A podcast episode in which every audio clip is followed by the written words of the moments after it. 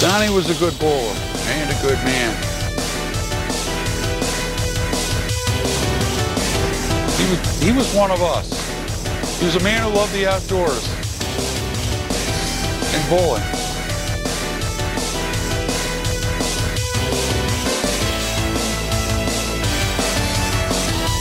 Good night, sweet prince.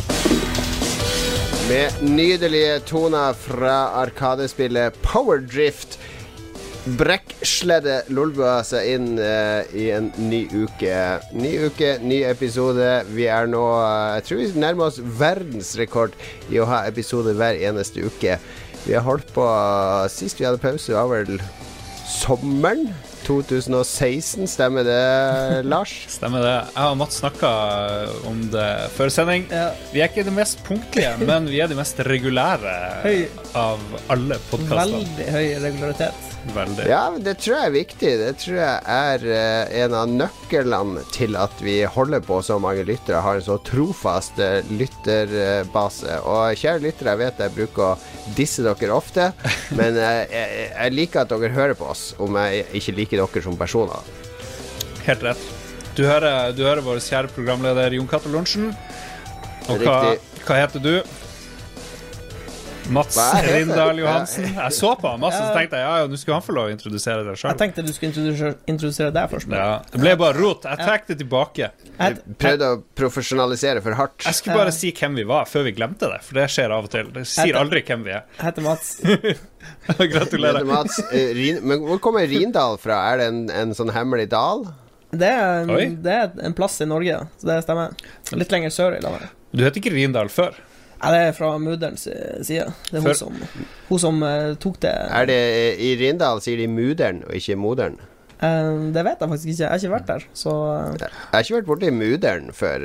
Sier du mudder'n eller modern, Lars?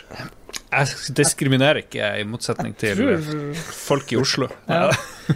Mudder'n, det, det er litt så tysk, da. Mutter. Mutter. Ja. Meine Mutter. Men heter jo, du heter jo André før, Ja, ja. stemmer det. så det er Het du. André? Mm, het Mats André. Ja. Det er litt kult. Det er liksom som en så, sånn åpen Nei, det post-karakter. Det er ikke kult. Det er ikke bra. Det er ikke en bra kombo. Det er en grunn til at jeg fjerna det, for å si så- si sånn. Mats André. Ja. Ja, det er så nordnorsk som du får det. Du vet, eh, Magnus er jo ikke med oss i dag. Han har jo, han har jo full jobb, så det blir, blir litt for mye for han. Det, er- det er litt morsomt når han er ikke med, for da kan vi baksnakke han så mye vi vil. Men, Ja. men eh, han, hele første, hans første arbeidsdag gikk jo med til å få skifta e-post, fordi han heter jo egentlig Ole Magnus. Så det var jo Ole Magnus at uh, nfi.no. Og så var det sånn Nei, nei, nei, jeg kan ikke ha det. Og så fikk han endra det til Ole et nfi.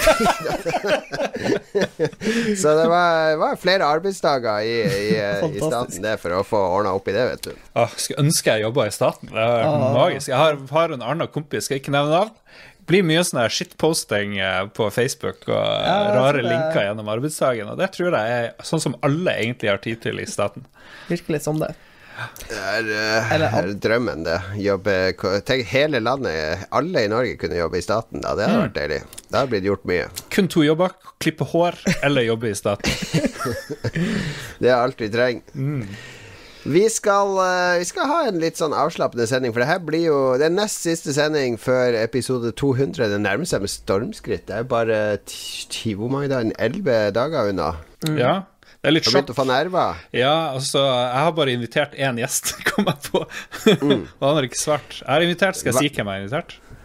Mm, ja, hvis du er klar for å annonsere det, så. Ja, men han har ikke svart, så jeg kan jo godt si det. Du har kun invitert Ja. én gjest. Nå tror jeg du skulle bekrefte en gjest. Ja, okay. Ingen, ingen bekrefta.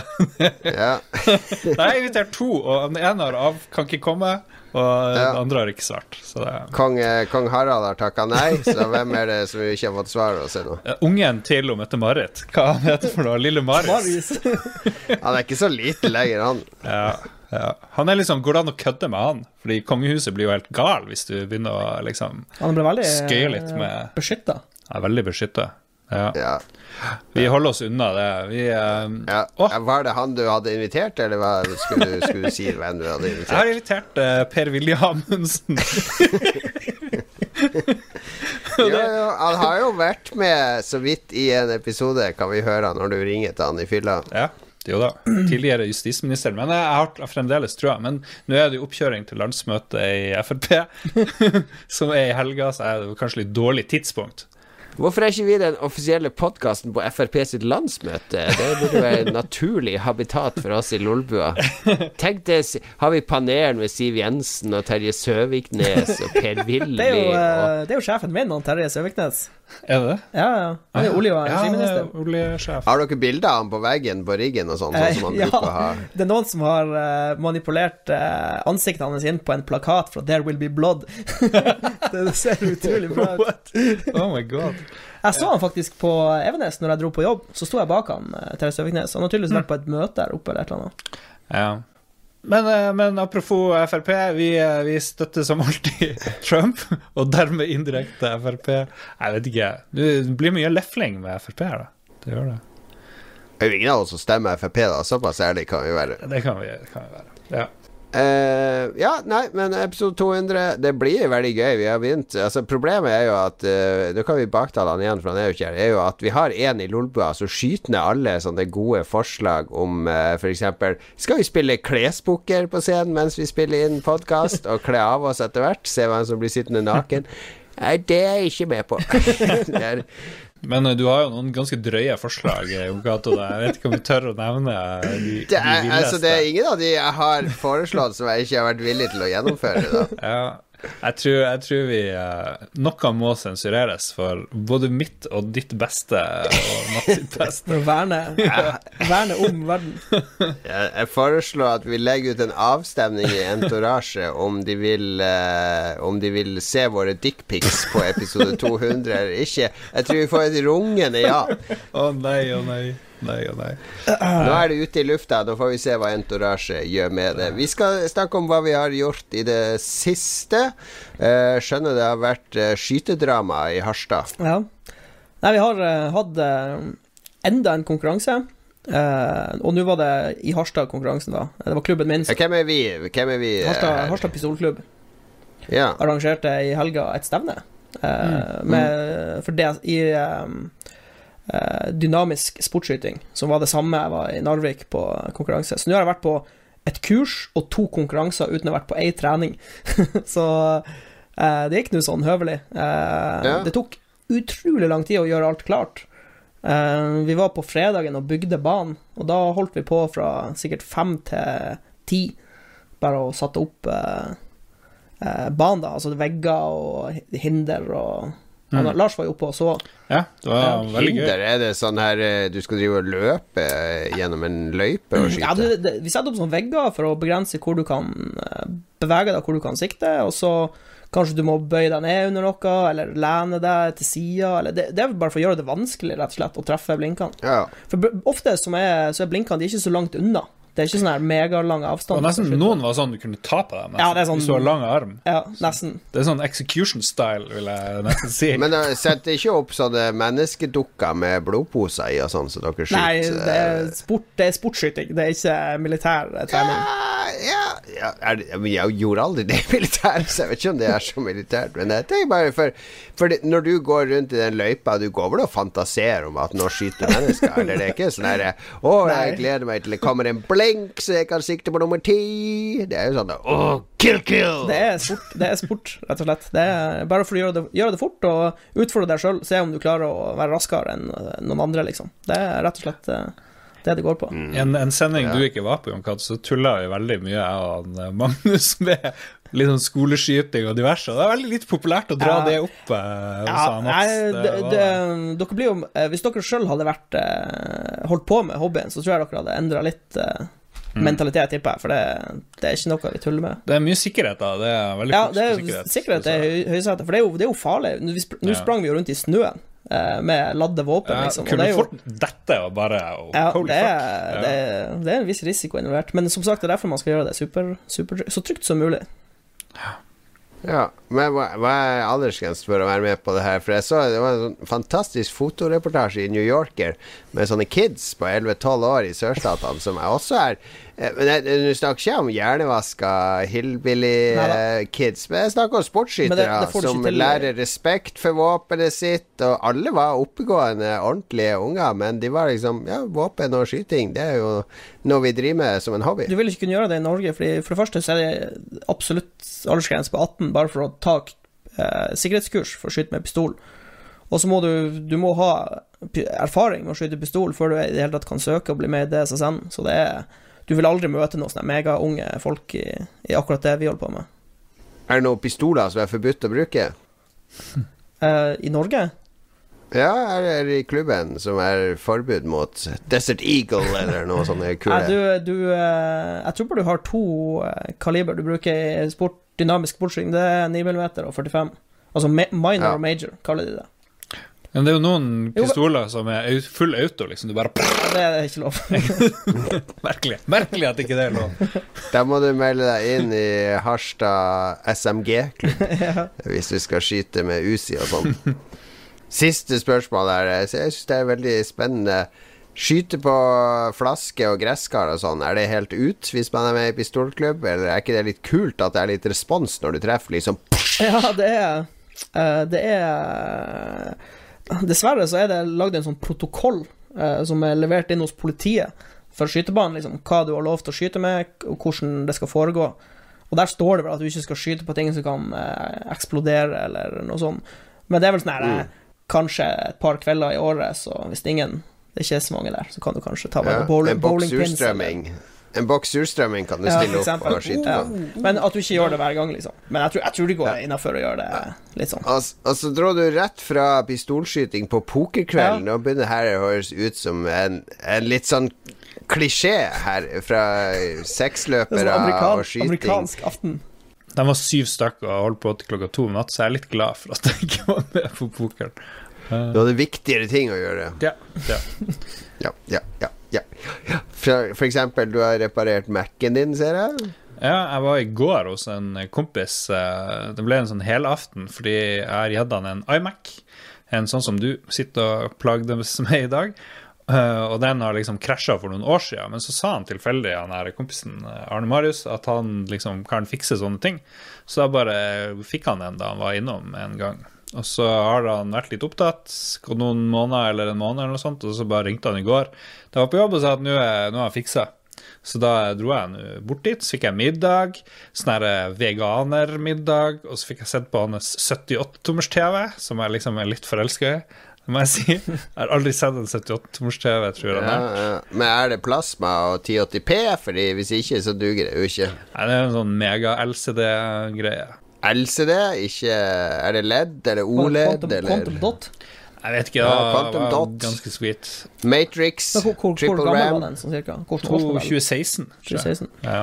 Ja, Det er jo for gammelt. Ja, det, for det er kanskje for gammelt. Men det kuleste var at jeg fikk sett på en ny Kindle, Kindle Odyssey, som ikke fins i Norge. Ja, det var jeg eh, testa. Jeg var veldig frista til å kjøpe den da jeg var i USA i fjor. Den ser annerledes ut, og den er bredere. Skjermen er bredere. Ja. Uh, og prosessoren er raskere, eller noe er raskere, så det går fortere å bla. Den er Ja. mer responsiv. Og så har den to Den har en sånn um, Den er smal, Uh, helt bort til høyrehånda di, hvor det er en litt sånn utposning. Et eller annet. Kjennes ut som der. Der er batteriene og der er ting. Så den er litt sånn a- asymmetrisk, da. Så ja. det likte jeg ikke. Jeg liker at de er symmetriske, og du kan holde og balansere Ja, fint i ei hånd. Ja. Her er det litt mer sånn her, jeg vet ikke helt Ja, hvor bred er den, sånn cirka, hvis du skal Nja, like bred som min penis. Nei, den er en sånn her eh, Hvis du legger på 20% ekstra på en Ja, okay, vanlig. Kindle, ikke så bred, men, Men det er fortsatt, det er fortsatt sånn her eh, kalkulatorskjerm, holdt jeg på å si, for å Ja. batteri. Hva er det gr- gra, eh, Hva er det uh, Blekk. eh, Som blekk. Blekkskjell. Ja, ink. Ja, det. Og det syns jeg jo er bra, for det er jo ikke så Ja, det er jo kjempebra. Det er jo kjempebra. Det er så lett å se for øynene. Eneste ulempe er at det funker ikke i minus ti da, hvis du skal sitte ute i, uh, På fjellet i, og lese. i, på fjellet og lese, så da fryser blekket inne. Ah, Ok. Har du Eh, prøvd? men ja, jeg prøvde den. Den er kjempefin, men den er så sinnssykt dyr. Men den har også sånn haptisk feedback, tror jeg. Når du blar og sånn, så er er det litt sånn vibrering Men i det, det, tommelen. det, det er det på Voyager også. Uh, eller Voyage, heter den vel. Når du blar på sida, Ja. så får jeg en liten sånn derre Riste litt i tommelen når jeg blar, liksom. Ja, ok. Det er ganske Men jeg, har- jeg blitt, jeg har gått tilbake til analoge bøker nå. Jeg fikk litt sånn Kindle fatigue, fordi jeg merka at, at Mm. Jeg husker bøker mye dårligere som jeg har lest på Kindle, enn som jeg har lest eh, fysisk. Jo, det tror faktisk. jeg, tror jeg nok, for det, det hjelper jo å ha noe fysisk inntrykk. Og, Ja, jeg, jeg tror hele prosessen med det at jeg faktisk kjøper boka, jeg må plukke den opp, bla i den, jeg blir kjent med den med fingrene mens jeg leser den, og får inntrykk av den og sånn, gjør at jeg husker det bedre enn alt som går gjennom den samme skjermen. Jeg, jeg glemmer veldig mye av det jeg har lest på Kindle veldig fort. absolutt. Ja, og til slutt, my friend John Seiko. Du har vært i London, er det det? Jeg har vært og smakt på sommeren i London. I London var det jo uh, fenomenalt. Det var 20 grader og sol, Oi. og det var, det var tok det med meg til Oslo. Det har vært bra i Oslo nå i det siste. Men det var sånn PlayStation-treff i London uh. Der vi prøvde PlayStation 5, og PlayStation 6 fikk vi så vidt se på. Sånn, oi. Det var sånn indie-treff. Så jeg møtte min venn, eller vår venn, eh, friend of the show, Joremi fra, fra Dpad. Ja. Uh, Oldboy-folka. Eh, han var også der. Uh, og så var det Det er veldig veldig nyttig dag der, fordi det er liksom sånn seminar om PlayStation Storen og eh, hva som skjer framover med PlayStation Storen, og anbefalte markedsføringstaktikker, og det var sånn paneler med publishere og PR-folk, og hvordan få ut budskapet om indiespillet ditt, og Ja. Alt i regi av PlayStation, da, som en slags sånn der eh, De tar jo en 30% cut av alt de selger, ikke sant? Også mine spill og andre indiespill. Så det er liksom ja, La oss gi noe tilbake til dere. Vi kan ikke dele konkrete tall på hva Call of Duty gjorde for å få den boosten i salget, men vi kan si at dette Spill A gjorde dette, og her ser dere grafen, hva slags utslag det gjorde. Så vi anbefaler alle å gjøre det, f.eks. Kult. Og Joremi anbefalte vel, og Oldboy-folkene anbefaler jo å utvikle spill i ti år. Det er vel deres hemmelighet. Jeg tror ikke han anbefaler det til noen, faktisk. Men han var, eh, vi var Det var veldig hyggelig sånn grillgreier etterpå, der uh, meg og Joremi satt, og så kom jo alle de PlayStation-damene som jobba i PlayStation, og flokka seg rundt oss av en eller annen Oi. grunn, for vi hadde ledig plass ved bordet vårt. Så det var det De jobba i R&D, og de jobba her og der, okay. og Det var mange morsomme samtaler der. Har liksom Sony en presence i London, da? Har de noe kontor der, eller? Ja, Sony Europa har hovedkontor i London, okay, og ja. der uh, har de, de de det er- Liverpool må det vel til for å finne de som lager spill, mens de eh, Det er mange forskjellige segmenter i Sony da Mm. som driver med, med forskjellige deler av PlayStation-branden. Ja, kult. Ja. Lærte du noe som kan hjelpe Lolbua til å få nå de her én million lytterne vi fortjener hver uke? Eh, nei. Streamer på engelsk. Lærte, lærte egentlig ingenting som er relevant for Jeg tror vi må streame på, eh, på kinesisk hvis Ja. vi skal få én million Ni hao. Ni hao. Jeg tror det høres ut som et eh, meget godt råd.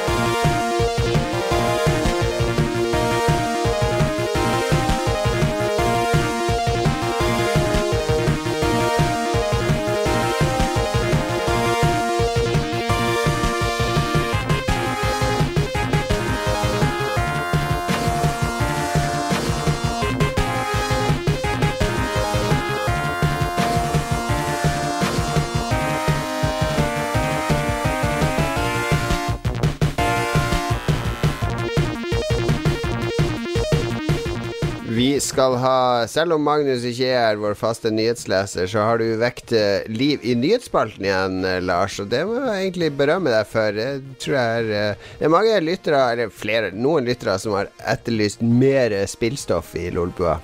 Ja, den eh, viktigste nyheten, den har jeg ikke skrevet ned, det er at vi hver uke nå lager en kortversjon av Lolbua som kun består av litt sånn uh, the highlights, kanskje. Muligens. det, det Ikke alle har tid eller gidd å høre på en lang podkast, så vi bare destillerer ned uh, til en sånn eh, best of, nesten, av hver episode. Spørs om det er noe hit. Vi får se hvordan responsen er, og se om vi fortsetter med det. Men um, Hva er det, det her er på i blekka di, Harstad-Tine, som er eh, må være ganske desperat etter stoff. ja, vi har også begynt å liksom distribuere på Harstad Tidende, bare på gøy. Uh, siden jeg nå jobber der og har masse En stor nettside, så hvorfor spre oss ikke ut der òg, liksom? Ja, vi tre har jo røtter i Harstad. Du er jo, er jo født i Harstad. Mats, du er født i Rindalen. er du født i Harstad? Jeg er født i Harstad. Ja. ja. ok, Men Lars, du er født i Født i Bærum sykehus. Så. ja. Og så har du litt Du har litt sånn finnmarkingsdialekt. Ja, veldig, veldig rar dialekt, tror jeg. Ja, jeg har også litt sånn rar dialekt, egentlig. Jeg har ikke rein Harstad-dialekt. Min er jo vanna ut for lengst. Ja. Vi alle vanna ut. Men to av dere bor, dere bor jo bor i Harstad, da, så dere representerer jo Dere er jo uh, Harstad-blod, mens jeg har flykta derifra. Mm. Kommer jeg ikke tilbake. Jeg får ikke overtalt kona til å flytte dit. Du, Nei, du, er jo, eh, du, er jo, etablert i Oslo nå. Hvis dere har sett den filmen 'Misery', så har de løsninger på alle sånne problemer. Du bare får dem dit du vil ha dem, og så tar du og hobler dem. Det vil si at du knuser beina i anklene eh, på dem ganske hardt, sånn at de aldri kan gå. Uh, så, nå, tror jeg du, nå blander du med hvordan du skal få deg kjæreste, ja, Lars. Ikke åssen jeg skal få kona mi til Harstad. Det er to helt forskjellige eh, taktikker for å oppnå Eller to helt forskjellige ting å oppnå, da. Ja, men jeg føler at det er, er enig. Hvis, hvis, noen, hvis noen dame sklir nedover Heggenveien utafor hos deg og forstuer foten, så ikke, ikke gå inn til Lars og få hjelp, for da blir du liggende i en seng og Ja ja, godt forslag. Godt forslag. Visst fare. Det her kommer rett på Arsenal-tiden, går det ikke? Spørs om det er mixed Akkurat, akkurat den. okay. All right. Men det er uh, Vi har vår faste nyhetsspalte uh, i dag. Uh, og vanligvis så er det vår sørlending Magnus Tellefsen som leser opp. Det kommer av gammel arv i NRK sånn når nordlendinger sånn ikke fikk lov å være jobbe med å, å lese opp ting på radioen eller på TV, fordi mm. sånne fæle dialekter, det skulle de helst ikke ha. Det høres jo mindre offisielt ut hvis en nordlending leser opp noe, et dokument. Ja, ja da tror jeg det er jo kødd. Ja, nettopp. da tror man det er kødd automatisk. Men uh, Mats, du, siden du er yngst her, så må jo du ta på deg jobben som ja. nyhetsleser. Ok Uh, tirsdag kom en demo av Detroit Become Human. Samtidig ble det klart at utviklerne i Quantic Dream saksøker franske medier etter at de rapporterte om metoo-aktige tilstander og trakassering av ansatte i selskapet. Så da er det en sånn slags fake news uh, slash uh... mm, Ja, men jeg tror at sånn her metoo-rapportering ikke står så veldig sterkt i Frankrike. Nei? Frankrike er litt mer rapy enn mange andre ja, okay. land i Europa, tror jeg. Ja, de hadde jo et sånn anti-metoo-opprop fra noen Catherine Benevy og noen franske skuespillerinner som mente at nå gikk det for langt. Er det, er det et amerikansk selskap som har laget Detroit Become Human? Nei, altså, Detroit Become Human, for de lytterne som ikke vet, det er jo vår favorittutvikler David Cash, eller David Cage, som han heter, men han er jo fransk, så David Cash. Han ja. ja. han står bak spill som uh, Fahrenheit og uh, uh, Heavy Rain, Beyond Two Souls, Uh, ja, altså Han lager veldig veldig filmatiske spill. Nesten for filmatiske, vil noen si. Og så av og til Han mangler litt sånn finess, kanskje, i karakterskildringer. Og uh, det har vært litt sånn plumpe greier av og til. Mm. Uh, så han er, er litt sånn, sånn der karakter som folk elsker å hate. Og så er han litt pretensiøs òg, så det gjør det ikke noe bedre. Han mener han lager kunst. Og så det nye nå var at han vil ikke at folk skal kalle Detroit Become Human for It is not a science fiction game. It is a game about humans and androids. It is not about space battles and stupid shit like that. jeg vet ikke om det var akkurat det han sa, men yeah, I spit on you. Er det noen som, er noen som har spilt Heavy Rain og Beyond ja. Two Souls? Ja, ja. ja. Spilt alt. Jeg runda begge to. Men jeg, jeg har en sånn uh, du snakker om sånn guilty pleasure med plata. Sånn. Jeg har litt sånn guilty pleasure med David Cars-spill, fordi ja. det er veldig fornøyelig å spille igjennom. Hvis jeg først skal spille så tunge storybaserte spill, så foretrekker jeg nesten de David Cars-spillene som bare er sånn quicktime-events, enn f.eks. Uh, God of War og The Uncharted og de som, de som forkler eh, Eller de som presser på det narrativet opp i spillmekanikkene. Jeg har sett en sånn eh, Det er jo litt bugs i de spillene. Jeg vet ikke om dere var borti noen bugs i Heavy Rain. Han, har, han ene fyren har en unge som heter Sean, Ja, ja. og så er, er det noe sånn quicktime-event hvor du skal rope på sønnen din. ja. Sean, Sean. ja, Og så skjer det noen sånne bugs, Så når den scenen er over, så fortsetter han å rope på ungen sin mens han går rundt og gjør sånne andre ting. Det er en fantastisk video hvis du søker den opp på YouTube. Funny, ferdig. Men det er ingen som har prøvd demoen? Nei. Nei, nei, den kom i dag, så eh, det blir jo gøy. Det må vi prøve. Så kan vi Ja. Skal du spille uke. Detroit når det kommer, Lars? Ja, ja, ja, selvfølgelig. Kanskje vi skal ha en Let's Skal du spille Detroit når det kommer hvis du ikke får gratis kode, Lars? Ja, det er litt usikkert. Nei, nettopp. For du må, det her er Selvfølgelig svarer du ja hvis du får det gratis. Ja, jeg skal spille det. Men uh, vil du kjøpe det? Er det, er dette på radaren din Hva- over er, spill du kan er, det sånn, kjøpe? er det sånn 500 kroners spill, eller koster litt Ja, mindre? ja, det er jo Full fullprisspill. pris. Ja, jeg, skal, jeg må vente på noen anmeldelser hvis ikke jeg får det. jeg er ikke så glad. Jeg, ja. jeg likte ikke det der. Ellen Page uh, Hva det enn det het, Beyond Two Souls, syns jeg var, Ja, det var shit. ganske dårlig. Ja. Jeg er enig.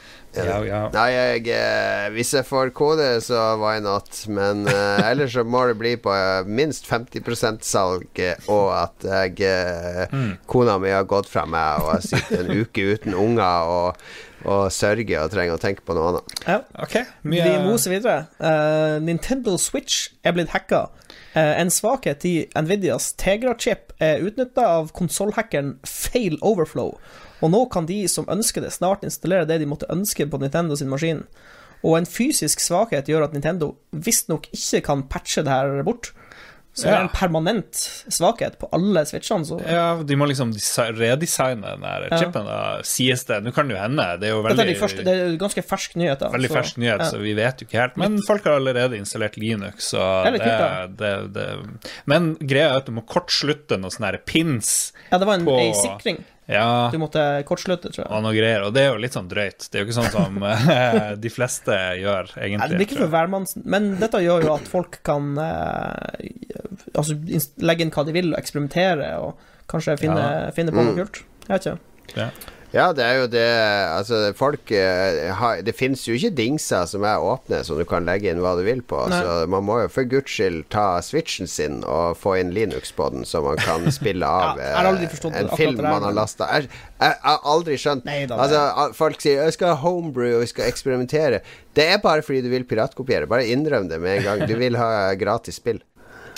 OK, vi, Men eh, ja, vi kjører på videre. Eh, selskapet Valve kjøper indie-utviklerne Campo Santo. Eh, de har kun gitt ut spillet Firewatch, eh, men for ikke så lenge siden så teasa de et spill som het In the Valley of Gods. Ja. Er det noe eh, Mm. vi tenker om det her? Jeg tenker øyeblikkelig Valve skal lage et Battle Royale-spill. ja, fordi det er rolige, historiebaserte Firewatch. ja, men det har vært gøy. Jeg tror de skal gjøre om det her In the Valley of Gods. Ja, til, Til- Battle Royale. Fordi de kan jo ikke lage spill sjøl lenger. Så jeg tror Jeg vet ikke helt hva som har skjedd med Valve, men det har spredd seg en, et virus. Eh, men også, vi har jo en mann i Valve. Hvorfor får vi ikke ut noe info fra han? ja, det har du helt rett i. Han har jo vært gjest. Nei, han har vært gjest. Vi snakka med Han han. har ikke vært gjest ennå. Ja. Han er jo fra Harstad og alt. Ja. ja, men Valve er Altså, Valve trenger ikke å lage spill. De tjener så mye penger på Steam at det, de, har, de har vel ikke noe grunn til å De, har lagd, de lagde Dota, og så var de fornøyd, liksom. Dota 2, mener jeg. Det er litt sånn lett for meg. Eller jeg kjenner jeg hater nesten litt Valve, og det gjør sikkert mange òg. Liksom, de sitter på eh, sjansen til å gi ut Portal 2 på nytt, kan de gjøre det lett. ikke sant? De har uendelig med penger. Hvorfor skal ikke folk kunne få spille det hvis de vil? Men, kan, Men liksom, de så kan de lage Portal 3, eller de kan liksom lage, Ja. fortsette på Half-Life. Så de har jo fullf de fullførte jo aldri Half-Life. Nei, nei, nei, det er litt De ga ut episode 2, Ja. Og så Half-Life 2, episode 2. Ja. Og så bare Og så skulle det egentlig være episode 3, ja. men så var Nei. Det Og de som har lagd alle de stedet. der tingene, de har jo slutta for lenge siden. ja. Og nå skal de, de stakkars Camposanto inn i det helvete der. ja, Kanskje Half-Life 3 blir en walking-simulator. Ja. Du går, du går rundt i villmarka, Ja. men som Gordon Freeman. Nei, jeg, jeg syns det er bullshit. Bullshit. Men hva du tror de skal gjøre? Campo Santo? Vet ikke. Jeg har ikke peiling. Jeg skjønner ikke det her. Det er jo ikke sånn at Firewatch så, så bra heller. Nei. Nei, spesielt. Jon Cato, du som er du som er inside the indie For det første blir jo sikkert du dritsur, fordi du, dere, du har et flott indie-selskap. Gitt ut et spill som var helt li like bra som Firewatch. Men hvor, hvor blir hvelva? Hvorfor kjøper ikke de dere? Det hadde vært drømmen din. Kunne du sittet borte i Seattle der og jeg vet ikke. Nappa- Gjort ingenting. nappa Nappa løk hele dagen og sett penger Tror du bare roll eh, kona mi går med på å flytte til Seattle? Tror du Det er jo samme ja. klima som Norge i Seattle. Ja. Det regner altså. Nei, eh, Valve eh, moves in mysterious ways. Det er sånn det er i spillbransjen. Absolutt. Men eh, de, de driver og skalerer opp på Steam-sida nå, da, fordi de kjenner jo eh, Tencent og Weplay og eh, Ah. puster de i Ja, jeg, nakken. jeg tror det kommer en stor oppdatering til Steam om ikke så lenge. Ja, og. Congregate eh, kommer jo med cartridge nå. Eh, Congregate har jo vært en gratisportal i mange år, den ledende inn der, men de kjører nå Lager en Steam-konkurrent som heter Cartridge med K, som kommer Mm. til sommeren i beta. Uh, der de har en genial deal med at de gir full recu. Alle som gir ut spill der, får en viss sum tilbake, får de 100% royalty på. Så du må bikke over en viss sum i inntekter før de begynner å ta en cut. Oh. Som er eh, Valve og andre tar jo 30% flatt fra start. Ja. Ja. Valve kunne enkelt endra det, da, så at du skalerte det opp. Hvis du floppa, ikke sant, så ok, bare ta pengene. Ikke sant? Greit, du fikk prøve det.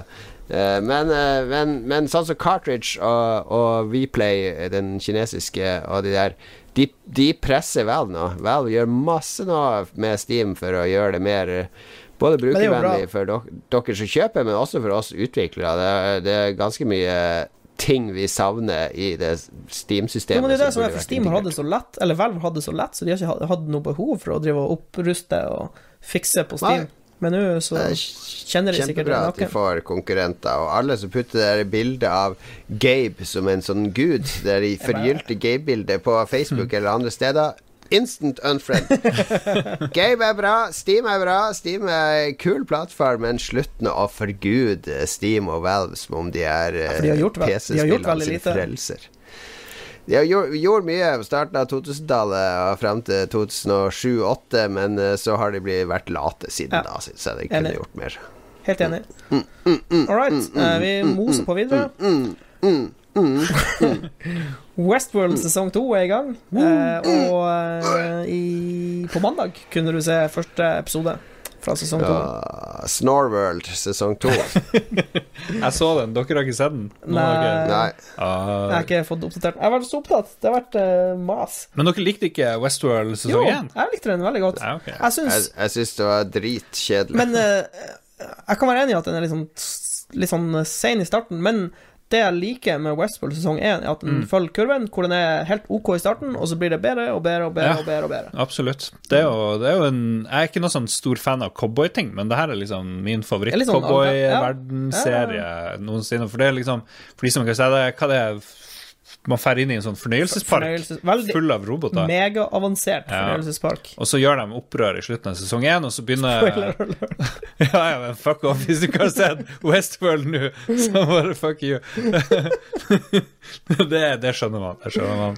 Um, og så begynner sesong to egentlig mye der den forrige slapp. slapp, ja. Jeg hadde jo håpa at det skulle være at de skulle bare avslutte, for det var nok, nok eh, Westworld for meg. World og Ja, ja. ja. Det skal jo finnes sånn sci-fi world, Mm. eh, medieval world og greier, og så hintes det kanskje litt om noen andre verdener, men, eh, men de er tilbake i det gamle samme, og jeg syns det er veldig kjedelig. Ja. Eh, jeg tror ikke det har blitt brukt like mye tid og kjærlighet på episode én sesong to som episode Ja, sesong men én eh, de må jo sikkert eh, jeg, jeg tipper de holder igjen i tøylene litt, sånn at du ikke går for hardt ut. For hvis Mm. du lager en helt super-awesome episode 1, Ja. så blir det vanskelig at episode 2 10 skal være bedre enn episode 1. Ja. Du må ha en litt sånn Ja. kurve som går oppover. Men uh, Og så er det Det er ikke noe spoiler, men det, det, du ser ting i tre ulike tidslinjer, på et vis. Det er liksom veldig tydelig. Ok, nå skjer det, og da skjer det, det, og bla, bla, bla. Og det Jeg vet ikke, det blir ikke noe sammenheng, og det blir ikke noe, føles ikke ut som det er noe sånn god flyt, syns jeg, i denne episode én. Det høres ut som hele sesong én oppsummert. Ja, nei, men det er verdt å se. Verdt å se. Og hvis Masse du ikke har nakne folk i sesong én, da. Det var det. Så det, hvis du liker det, så kan du jo se. Men skal du ha god sci-fi, styr unna. Shut up. Nei, Hvor far-fetched er det? La oss ta et område på større med, størrelse med Hinnøya. Mm. Altså operere Setter vi ut en masse roboter så folk kan leke seg der. Det er jo helt idioti. Nei, men det er det som er litt eh, Vi vet jo ikke hva som skjer utafor Westworld. Nei. Vi vet ikke hvordan jorda ser ut, og vi vet ikke hvor mange år som har gått. Så Nei. er- det er Nei, men så fortell oss det, da! Jesus Christ. Sesong én av Westworld har like mye potensial som sesong én av Lost, og vi vet alle hvordan det endte. Hmm, jeg Hva, du, syns du det mener en kjempemorsom reise gjennom seks sesonger? Jeg syns, eh, jeg syns episode sesong én av Westworld er verdt eh, abonnementet på HBO, nesten. ja. Kjøp deg HBO en måned, se hele Westworld, og så pluss noen av de andre gode Det finnes jo mye bra på. HBO nå, Ja, masse, masse bra. Ok, Ja, vi går videre. Uh, vi hadde en liten TV-nyhet. Nå går vi tilbake til spillverden. Eh, I dag, eller tirsdag 24. april, kom uh, Battletech, eh, et MechWarrior-spill til Steam. Eh, bak står selskapet Hairbrained Schemes, eh, med den originale Battletech-skaperen Jordan Wiseman i spissen. Det spillet kjøpte jeg i dag på Steam, og det står og laster ned nå. Eller det er sikkert ferdig lasta ned nå. du har sikla på det en stund. Ja. Jeg har eh, vært for lenge borte fra MechWarrior-universet, rett og slett. Ja. Mye, mye eh, Hva det heter? Du tilpasser robotene dine og styrer. Mye sånn gnukking. Ja, mye customizing. eh, Bytte ut eh, våpen og Altså, du kan jo på en måte velge Det finnes jo mange forskjellige våpen. Du har k- kinetic weapons, som er Mm. maskingevær, autokanoner. Så har du energivåpen, som er sånn plasmakanoner, lasere, og så har du raketter. Det er stort sett de klassene du har.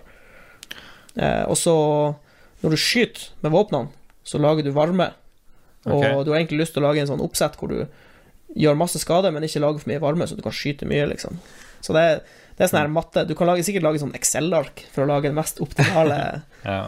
skademekken, liksom. Men det er, eh, det er mm, Det er ikke sånn som MechWarrior, at du sitter og styrer én, da. Eh, I MechWarrior så er det jo Du er en pilot som sitter inni en Mech, og så går du rundt og Du styrer bare én Mech, det er det du gjør.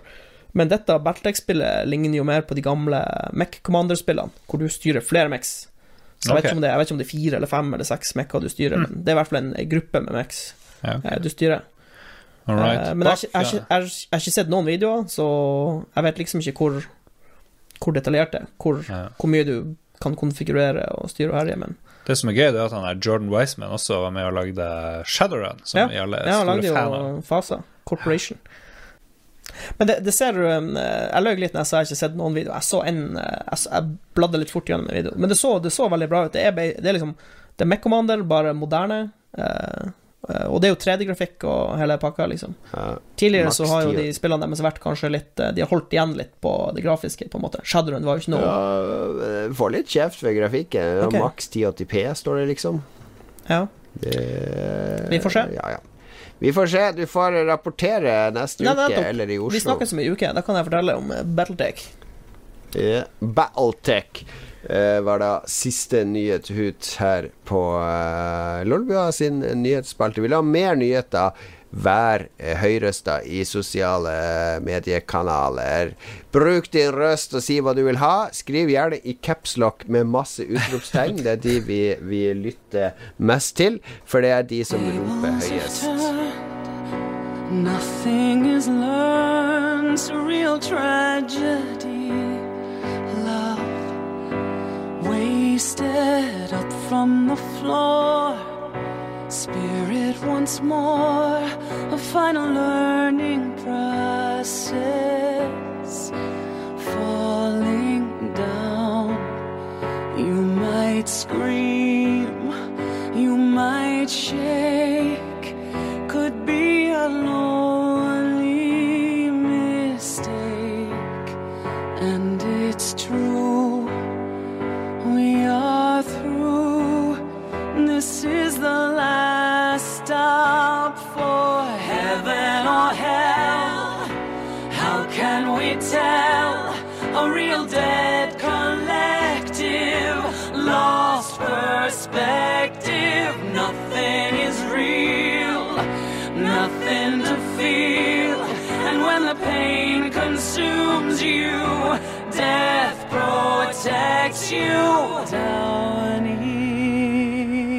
Og det var Romanias bidrag til årets Eurovision. Nei da. Det var, det var skrekkspillet Skrekkspillet Skal vi se, hvor står det her? uh, Shadows of the Damned? Var det ikke det det het? Husker du det? Ringer, ringer en bjelle, men jeg tenkte på Melodi Grand Prix underveis. Nei, Mary Elizabeth McGlynn heter hun eh, som synger den sangen som heter As Evil As Dead, og det er fra skrekkspillet Shadows of the Damned. Jeg var på PlayStation 3, det er jo Grasshopper, det er japansk. eh, det er Shinji Mikami som er produsent, altså Resident Evil-duden. Eh, og han Suda51 er jo writer, så det var et ganske sært skrekkspill. Uh, jeg vil ikke si at det floppa, men det gikk litt sånn under radaren på mange. Det var Electronic Arts som ga det ut, og hele pakka. Så kultspill kan vi vel kalle det. Shadows of the Damned. Veldig fin musikk, i hvert fall. Ja. Ja, ja. Hva har vi spilt uh, i det siste? Vi, vi blir jo litt sånn tingly når det nærmer seg Eurovision, så det blir nok uh, uh, Det kan vi jo gjøre nå i episode 200, ja. Ok. Hva har vi spilt i det siste? Matsui, uh, du, har, ut? eh, du har vært på plattform, Ja. så du har sittet og grått når det har vært sånn shotgun-event i pub og sånn, så du har gått glipp av i Tequila Sunrise. Åh, den hadde jeg lyst til å spille. Den så kul ut. Den Ja. så veldig morsom ut. Uh, men jeg fikk spilt den som var eh, nå i helga, som het eh. Steel Rain. Eh. Hvor det var um, åtte player squads. Eh, du kunne invitere åtte av, eller syv av vennene dine og være åtte spillere i en squad. Wow. Eh, og så lå det sånn flareguns rundt omkring på kartet. Eh, og hvis du skjøt en flaregun i lufta eh, innafor den hvite sirkelen, så kommer det en sånn militær dropp. Litt annerledes enn den, dropp, den røde droppen som vi er vant til. Eh, hvor det, det var alltid to våpen i den, eh, og gjerne armor og shit. Men hvis du skjøt flaregun utafor den hvite sirkelen, så kom det en pansra bil ned i fallskjerm. Ja, uh, Som er plass til alle 80? Nei, det, det var dessverre ikke. Det var bare en sånn det var firemannsbil. Uh, men det var en veldig morsom event. Uh, vi, vi, vi spilte eh, litt på søndag. Eh, litt sånn fullsjuk. spilte noen timer PubG. Eh, men det var veldig morsomt, for vi klarte å samle åtte karer. Og Mm. for en utrolig fordel du har eh, på slutten av eh, en runde, hvis du har åtte mann i live, eller syv mann i live, og du Mm. møter sånne team som har vært og slåss litt mye, og kanskje har bare to eller tre karer igjen. Vi bare på, eh, på en runde så sendte vi seks mann med stekepanne og sl slo han i hjel med stekepanne, for det var bare én fyr igjen, liksom, og vi var seks-syv karer. Så vi hadde så vanvittig fordel. Men det var en veldig morsom event. Du merker det når du går fra fire mann til åtte mann på Discord, og noen ser en fiende, liksom, og så ser noen andre en fiende en annen plass, så blir det bare megakaos med roping og hoiing. Men det er jo også, det har jo en viss sjarm, det er jo på en måte. Ja. Jeg må ha litt militær disiplin Ja. inn. Men eh, kanskje blir det pubstream til helga, er det det vi snakker Ja, om? tror, vi, skal vi kjøre det? Squad? Jeg er med Squad på på fredag. Eh, Oh, yeah. Lolbua, Oh, yeah. Passer bra, passer bra. Vi skal ikke inn på Fortnite, da. Det er det mest populære spillet. Jeg har hørt på noen sånne amerikanske podkaster, for Ja. Team GFB, han eh, som jo er sjefen i Iron Galaxy og en av de Lang. programmererne der. Dave Lang og han Daryl. Og Daryl han sier at han og kona og begge døtrene De sitter og spiller Fortnite nå på hver sin enhet Ah, ja. eh, i squad. Liksom hele familien. Det er liksom, I USA så har det spillet blitt eh, sånn Minecraft-fenomen er det i ferd med å bli nå. At det brer seg ut av gamerstolen og inn i, i stuen til vanlige folk. Men det er det, det er det der byggegreia. Som ikke jeg jeg syns det ser noe artig ut. Å drive og bygge sånn trapper og ramper. Og, Men du har ikke prøvd det i det hele tatt? Nei, men jeg har jo sett, jeg har jo sett på de gode streamerne, han Ninja, og er- det, det ser ikke artig ut.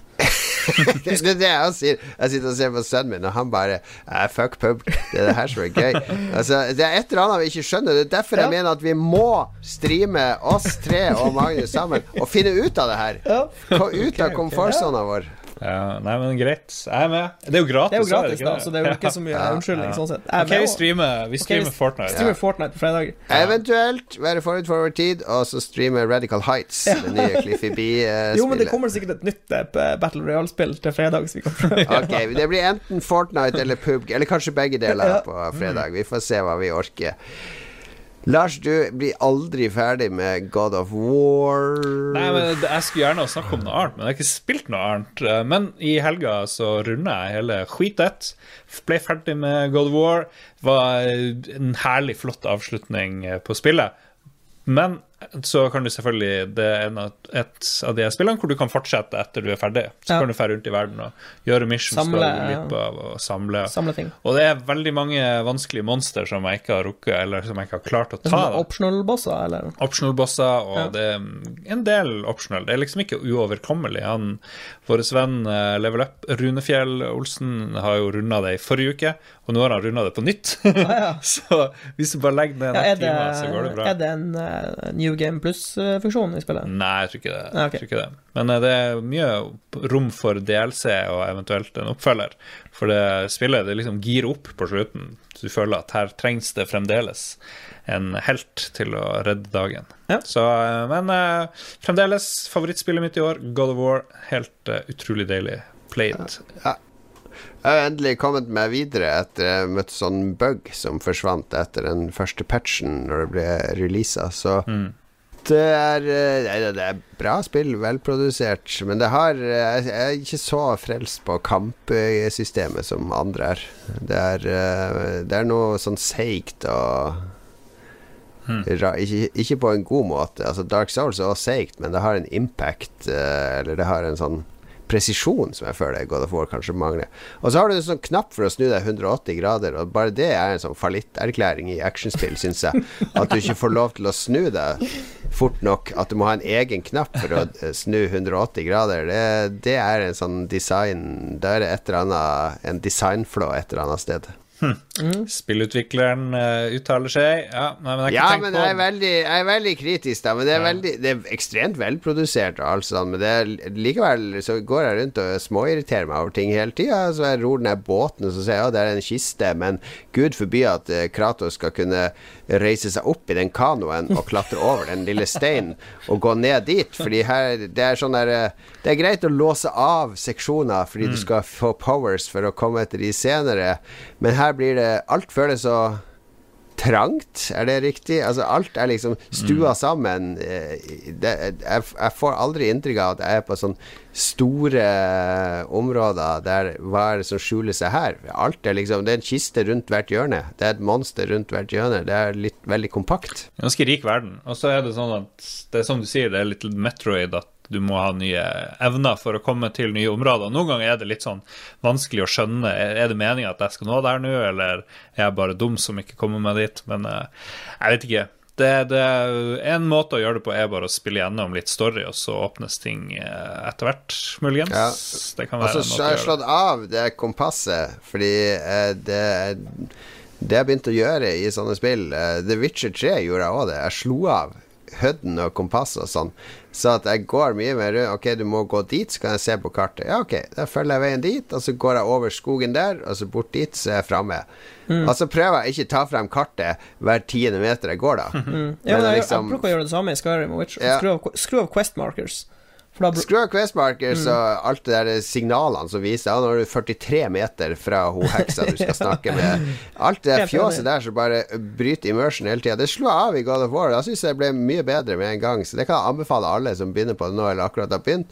For du får I starten er det behagelig nok. Det er sånn at, ja, jeg bare går, følger veien, går, utforsker litt, og så får du plutselig et sånt kompass. Og det der, ja, nå skal jeg alltid peke dit du skal. Vær så god, 43 meter nord-nordøst er der du skal nå. Gå dit, gå dit, gå dit, gå dit, gå dit. Feil vei, feil vei. Gå dit, gå dit, gå dit. gå dit Ok, Ja, ja, du det er et skjønner godt poeng. Veldig, poeng. helt enig. Men etter hvert så lurer jeg på om det er nesten umulig å ikke bruke den høyden. Eh, Men eh, det finner dere ut. Du kan alltids ta opp kartet ta ta opp så se ok, det er dit det er lov å ta opp kartet og se hvor du er. Og så kan du manøvrere deg dit sjøl. Det er mitt tips. Hardcore. Hardcore to the heart. Harstad hardcore. Meg og Mats. Uh, softcore Lars kan seile sin egen uh, God of War. Jesus lord. jeg har spilt Jeg har spilt spillet Opus Magnum siden sist. Uh, jeg har spilt litt God of War, spilt litt World of Warcraft. Men jeg har spilt, jeg har spilt Opus Magnum, som er eh, en av mine favorittutviklere. Det er jo Zactronics. De lagde Spacecam og, og Shenzhen 1.0, som er et av mine absolutt favorittspill, der du skal programmere mikrochipper i Kina og lage alt mulig rart med de. Eh, mens eh, Opus Magnum Det er et nytt puslespill der du er eh, en eh, alkymist. Og så skal du sette sammen eh, stoffer da til nye stoffer ved å lage alkemimaskiner. Eh, alchemical engines. Eller transmutation engines. Og det foregår i et sånn heksagonnett der du lager sånne armer så du kan rotere, kan plukke opp ting og rotere og slippe ting. Eh, eller gå på skinner. Så du skal sette sammen molekyler, basically, av eh, atomer, eh, kan du si. Men så er det sånn kul storyline, og så er det forskjellige ting du skal lage. Altså, I alle Sectronic-spill nesten så handler det om å optimalisere. Fordi du klarer alltid å lage en sånn maskin. Ja, ja, ja, sett sammen litt uh, gull her, og så gjør jeg det om til vann, og så ditt og datt, så putter jeg det sammen med de komponentene. Og yes, der er det ferdig produkt. Og så kjører du maskin, og så var det ja, på 300 cycles så lagde du bestillinga, så maskinen din er så og så stor, det dekker et sånn område, og en komponenter koster så og så mye, og så får du sånn graf da, der du ser hva alle andre spillere i verden har gjort, og så ser du å jøss, det var en som klarte det på 100 cycles i stedet for 300.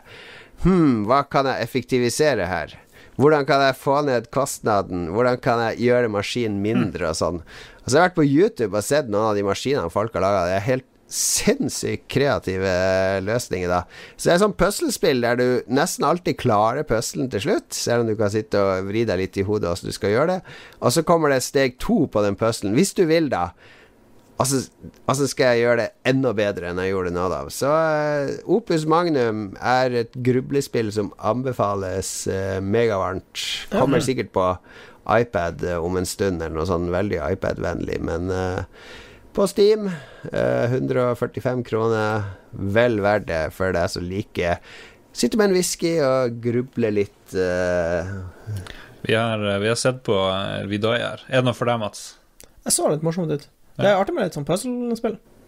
Det er veldig velprodusert òg, det er veldig tilfredsstillende og kjører supersmooth, så kjør på, Mats. Ta det rolig søndags eh, bakfylldag. Det er et perfekt spill.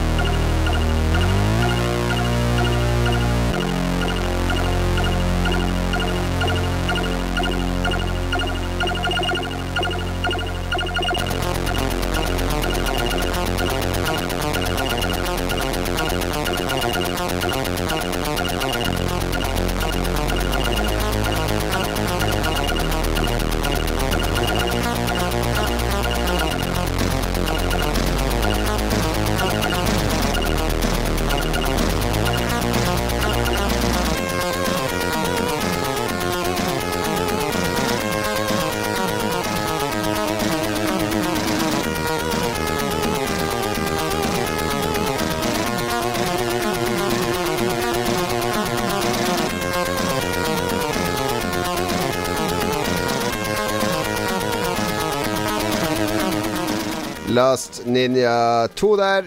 Matt Gray i storform på Commodore 64. Sweet. Var det alt du hadde å følge opp med? Hvor er profesjonaliteten, Lars? Nei, jeg, drev, jeg har spilt i en podkast nå i snart fire timer Han lar seg- som en rosin. i dag. Ja, for du var med på Red Crew først. Åssen er det å komme rett fra Red Crew? Er det som å gå opp en level eller ned en level? Nei, det er jo både og. Jeg vet ikke, vi er veldig annerledes. På et skritt til sides. Det er et skritt til sides, det vil jeg si. Er det mer eh, sånn diktator over Jostein? Og mer sånn eh, anarki her, eller? Ja, her er det anar- anarki. Her er det jo opp til enhver hva vi skal holde på med. Men jeg tror Jostein, sjefen i Red Crew, han har liksom 100% kontroll, eh, stort sett, egentlig. Over, Ja, han han han, det føles at han har veldig grep om hva han gjør. Ja.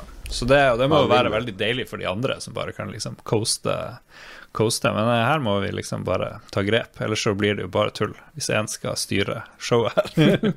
Blir det, blir det. Ukas anbefaling er en fast spalte der vi uforbeholdent anbefaler et eller annet eh, fortrinnsvis underholdning, men kan også være mat og opplevelser. Og vi setter vel grenser for kriminelle ting. Altså, vi har ennå ikke anbefalt ulovlige narkotiske stoffer eller eh, Anbefaler sånn hobling, ting. Så hvor du liksom slår Mos- beina Mose føttene sånn at folk ikke kan rømme når du er på date. Nå gjør det veldig vanskelig å klippe den Hasjetiden-podkasten, for nå må du liksom ta med den hoblinga. Så nå har du ødelagt for deg sjøl. Akkurat det du klagde på før sendinga. At vi må være Shit! ja, det her får bli med i ja. Men jeg, jeg ser du har gjort et dypdykk tilbake i eh, nostalgi. Det er vel nostalgi, selv om det ikke er så lenge siden dette radioprogrammet fikk alle til å humre. I hvert fall alle på vår alder, i ironigenerasjonen.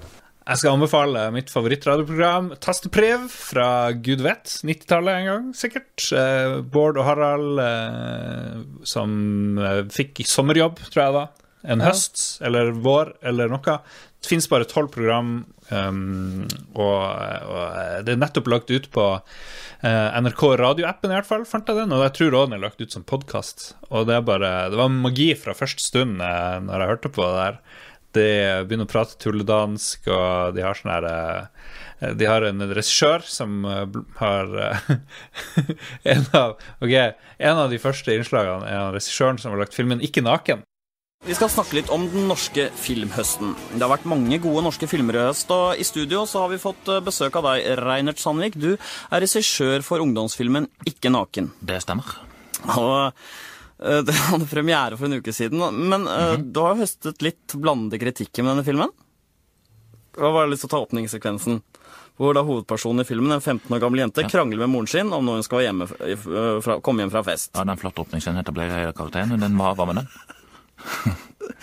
Først så filmer du ansiktene deres, men så begynner kameraet å filme nedover på halsen deres, og da ser vi at de er nakne. Du filmer brystene. Ja. Etter hvert så stopper jo kameraet opp ved underlivet deres. Altså, Hvorfor filme kameraet nedover sånn, eh, på den måten? Ja. Altså, kamerastativet er oversmørt. Altså, det var så fettete. Så kameraet seg så sakte ned. Så vi så det ikke på før på premieren okay. I Haugesund. Og jeg vet ikke hvor mye du kan om film, men det kamerafettet, det må du aldri ta på. Ok. Du får det aldri bort fra hendene. Nei, så da jeg merket at kameraet seg, så måtte jeg si til crew La kameraet sige! La fettet rulle. Sånne ting sa jeg da. Så gikk alle tilbake. Ok, Det var for, for av ren sikkerhetshensyn. Men hvor, hvorfor var skuespillerne nakne i første omgang, da? Tydelig at ikke du kan så mye om film, men eh, vi skulle bare filme hals og hode, og da ville vi ikke bruke ekstra penger på kostymer. Ok. Det er tross alt skattebefalernes penger. Skattebe... skattebet, men skattebetalerne, kanskje? Nei, skattebefalerne, Oi. ikke sant? Det er de som befaler at skatten skal brukes. Bruk disse på film, vær så snill ikke vær naken. Ok. Det er bare tull, og alt er improvisert stort sett eh, på det her. Og de er, de er veldig, veldig morsomme. Eh, hvis jeg husker det, skal jeg lime inn et lite klipp av tasteprev akkurat her, som illustrerer hva jeg sier. Fordi hvis folk ikke har hørt det her, så må de gjøre det. Har dere hørt tasteprev? Jeg så det, altså jeg hørte på det for lenge siden, liksom. Men Mm. jeg husker jo ikke Jeg hadde Tastepriv-CD-en som kom uh, i kjølvannet, Ja, der var jo ikke alt med, ha med highlights. Ja, det var highlights. Nei, det er mye bra. Det er mye bra. Og Men jeg, eh, har de lagt ut alt det her på, på nett nå? ja, jeg har en app på mobilen min, så når jeg går til jobb, så hører jeg på NRK uh, ofte.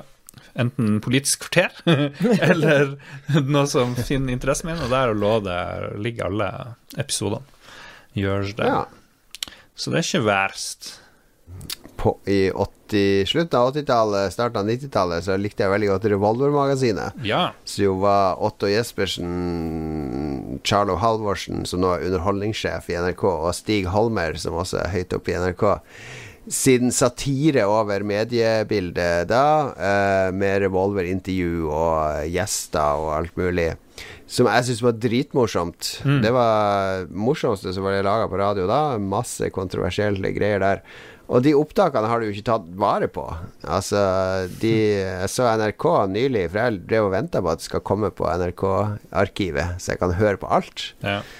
Og de, de etterlyser folk som har tatt det opp på kassett hjemme og sånn, sånn at de kan få det tilbake, liksom. Ja, jeg tok det jo opp på kassett, jeg òg. Ja. Så det var, det var veldig bra. Så, men jeg syns uh, Taste Priv og Bård og Hallar De følger litt opp det der radio Revolver-magasinet. De har inspirert meg mye. Og The Show, husker du, som de fikk lage på TV Ja. for fredagskvelden. Ja. Med ekte negerkonge, som var sånn fast eh, programleder. De hadde jo med han Kåre Willoch, var jo en karakter. Han drev jo og spilte inn lyd for de her Ja. Einar Førde var med, og de hadde celebre gjester. Og så var det Revolverintervjuet var min favoritt. Det tror jeg var noe av det som fikk meg til å ville bli journalist. For det var når de hadde Rune Bratseth som gjest, husker jeg, var det bare sånn her Hvor langt har du sparket en ball? Og det var liksom sånne faktaorienterte spørsmål, men bare helt feil fakta hele tida. Ja. Nei, men det, det er sykt bra. Her er Dyrenes nyheter. En to kilos abbor har gått til rettssak mot hele verden. Abboren ble innestengt i en kulp i Hurdalssjøen pga. bunnfrost, og gikk dermed glipp av et helt semester av et flugebinderkurs han hadde meldt seg på. Trekkfuglenes fellessammenslutning har sendt ut følgende pressemelding. Alle fugler små de er, kommer nå tilbake. Trost og Sissi Gaukås der synger alle dager. Foreningen Stopp innflyginga har reagert kraftig på dette utspillet. Foreningens talsfugl Vivi Kråke sier til Dyrenes Nyheter at det nå er på tide å få stansa all svarttrost, svaler, stær og anarask som kommer hit til landet hvert år på disse tider. Det er sykt bra. Masse gode karakterer. Så fikk jeg litt lyst til at vi uh, Lolbua skal bli litt mer sånn uh, Litt morsommere. For de klarer å være morsomme hele tida. Vi er morsomme sånn 5 av tida. Bare slå på morsom-knappen din. Ja, det er det. Så, eh, Mats, da, du lille sårte svin. Skal, skal du overhodet ikke komme med en anbefaling? Eh, Jeg hadde Jeg har skrevet ned to ting her, men jeg tenker jeg sparer den ene til lytterspalten, hvis vi skal ta den. Mm. Så jeg vil Ja. på det varmeste anbefale rislunsj. Nei, nå kommer Lars. Det er Lars har smitta det. Rislunsj, hva er det for noe? Jeg var på butikken, eh, og så har jeg, mm, jeg har et lite sånn eh, problem eh, nå i friperioden. Jeg har hatt så jævlig usunne lunsjer. Kjøpt sånn her eh, 300 gram lasagne fra varmdisken og sånn her. Det er Sikkert 1000 kalorier til lunsj. Det er ikke bra. Så Nice. var jeg borte eh, der, der de har sånn her god morgen-yoghurt og sånn. Det har liksom vært min go to sånn lett lunsj. 130 kalorier eller noe sånt.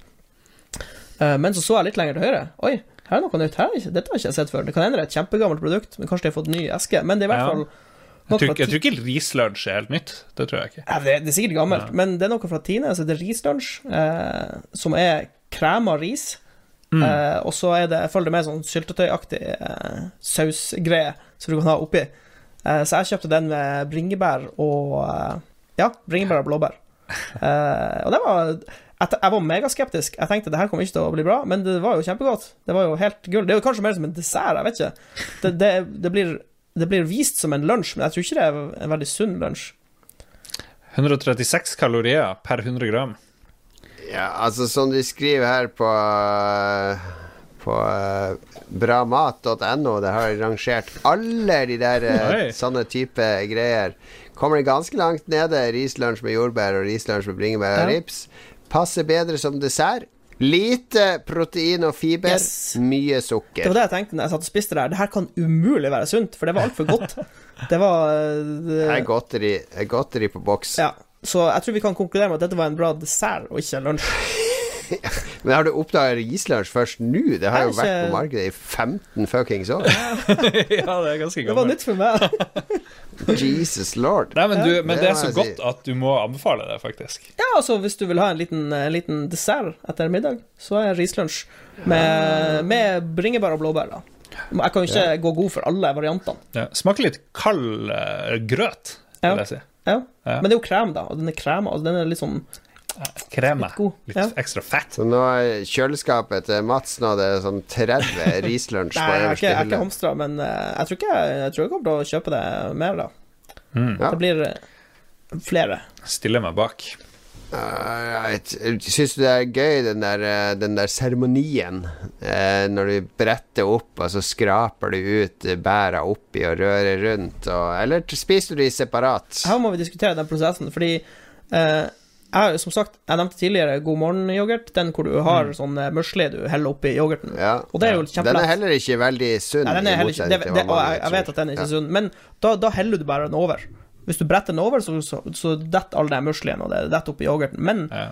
Uh, med rislunsjen, når jeg vippa over den der eh, syltetøybegergreia, så kom det datt ikke ut. Nei, det må skrapes. Må Ja. du skrape? Ja, men jeg tenker Ja, du må skrape. Ja, ok. Skrape Men- som fan, og så får du aldri ut alt. Du kan sitte i fem timer og Jo, det, fremdeles det, er det det, noe igjen. det jeg endte opp med å gjøre, var at uh, For jeg spiste jo med skje, selvfølgelig. Obviously. Spiste ikke med gaffel. nei. Men det jeg fant ut, var at uh, skjea mi var så eh, liten at jeg kunne ta rislunsjen og nesten dippe den nedi der, på en måte. Så da fikk jeg med alt, liksom. Fungerer som en dipp. Ja, sånn liten dippbeger. Kvikk-lunsjen som du dyppa nedi der? Hæ? Så du dyppa en Kvikk Lunsj Nei, rislunsjen. Altså selve ja, ja. risen. Vi snakker om rislunsj. Nå trodde jeg at lunsjen Jesus. din var først en rislunsj, og så en Kvikk Lunsj til dessert. Så det Ja, det ultimate var... ungkars... Det, Det eh, kunne det òg vært. Det kunne, det, det kunne fort vært deg, Jon Cato, så du er ikke på, du er ikke på bærtur. Ja, det høres bra ut for meg. Det. Alright, jeg skal holde det i det sunne hjørnet eh, med Vi har, hatt, eh, vi har begynt å innføre noe sånne her, eh, jobbpils på jobben eh, første fredag i måneden. Eh, og eh, da kjøper vi inn litt sånn eh, Vi er tre selskaper i det nye kontoret vårt i Oslo, så vi spleiser liksom og kjøper inn litt øl og litt mat til alle de ansatte. Uh, og så er det alltid noen som ikke liker øl, så det blir jo kjøpt litt brus òg. Og så er det alltid noen som vil ha litt alkohol, men som ikke liker øl. Så da havner det jo sånne Smirnoff Ice og sånne Ru- ting rusbrus. som eh, Rusbrus, ja. Så, eh, så det ble jo kjøpt inn noe sånn Smirnoff Ice som absolutt ingen drakk da. Så kjøleskapet vårt, der sto det jo sånn sixpack med Smirnoff Ice i ukevis som ingen rørte. Så jeg og min, eh, min programmerer Torstein fant ut at vi måtte ta hull på denne sixpacken en fredag. Så ja, Ja. det er helt En Smirnoff Ice fredag ettermiddag eh, halv fire når du avslutter jobbdagen, er perfekt. Det er frisk og god. Én er godt. Men så husker jeg jo Nå skal jeg nevne denne podkasten som jeg nevnte i sted, Team GFB Radio. For de hadde en episode der, eh, der han Dave Lang ble iced, som han kalte det. Fordi når Smirnoff Ice kom på starten av 2000-tallet, så ble det sånn greie på college i USA. Der man liksom gjemte en Smirnoff Ice et sted. I gymbagen din, eller i skolesekken, eller i en skuff, eller under dyna di. Og så, hvis det da var fest, og du oppdaga en Smirnoff Ice et sted da, da måtte du drikke den, da. Da ble du iced. Det var liksom en greie. Det var sånn prank. Å nei! Og bare, oh, oh, åh», alle ler. Så vi, vi jeg, jeg og Torstein Vi begynte da å innføre dette på jobben, litt sånn Oh. gradvis. Veldig bra. På neste jobbfest at hvis du finner en Smirnoff Ice, så må du drikke den. Var gjemt i printeren, og det var ikke måte på hvor vi gjemte Smirnoff Ice. Og stor suksess og latter. Det ble sånn nerve på festen. Folk ble jo nervøse for å åpne dassen i tilfelle det skulle ligge en Smirnoff Ice under lokket eller noe sånt. Så det kan absolutt anbefales. Det funker sikkert bare på en fest eller to, men uh, å få en litt sånn der uh, I hvert fall hvis det er sånn fest med litt sånn tverrsnitt av folk som kanskje ikke kjenner hverandre, bryte isen. No pun intended. Men uh, der får man en sånn felles eh, nerve. Og så skal man gjerne ha litt sånn ice stående i kjøleskapet, så folk kan gå og hente og gjemme sjøl òg, da. Sånn at ingen kan være trygg. Meget bra. Det var jo i russetida vår Smirnov Ice kom til. Norge, så jeg har jo- vært borti det, for å si det sånn. Ja, nettopp. Dave Lang òg hadde jo Han fikk jo en pakke i posten fra en dude med en ice oppi, så, så jeg trodde det var noe annet. Så det er mange måter å ice folk på. Så jeg tror nok vi skal gjøre det her på, på årets hyttetur. Så blir det vel eh, litt uh, icing.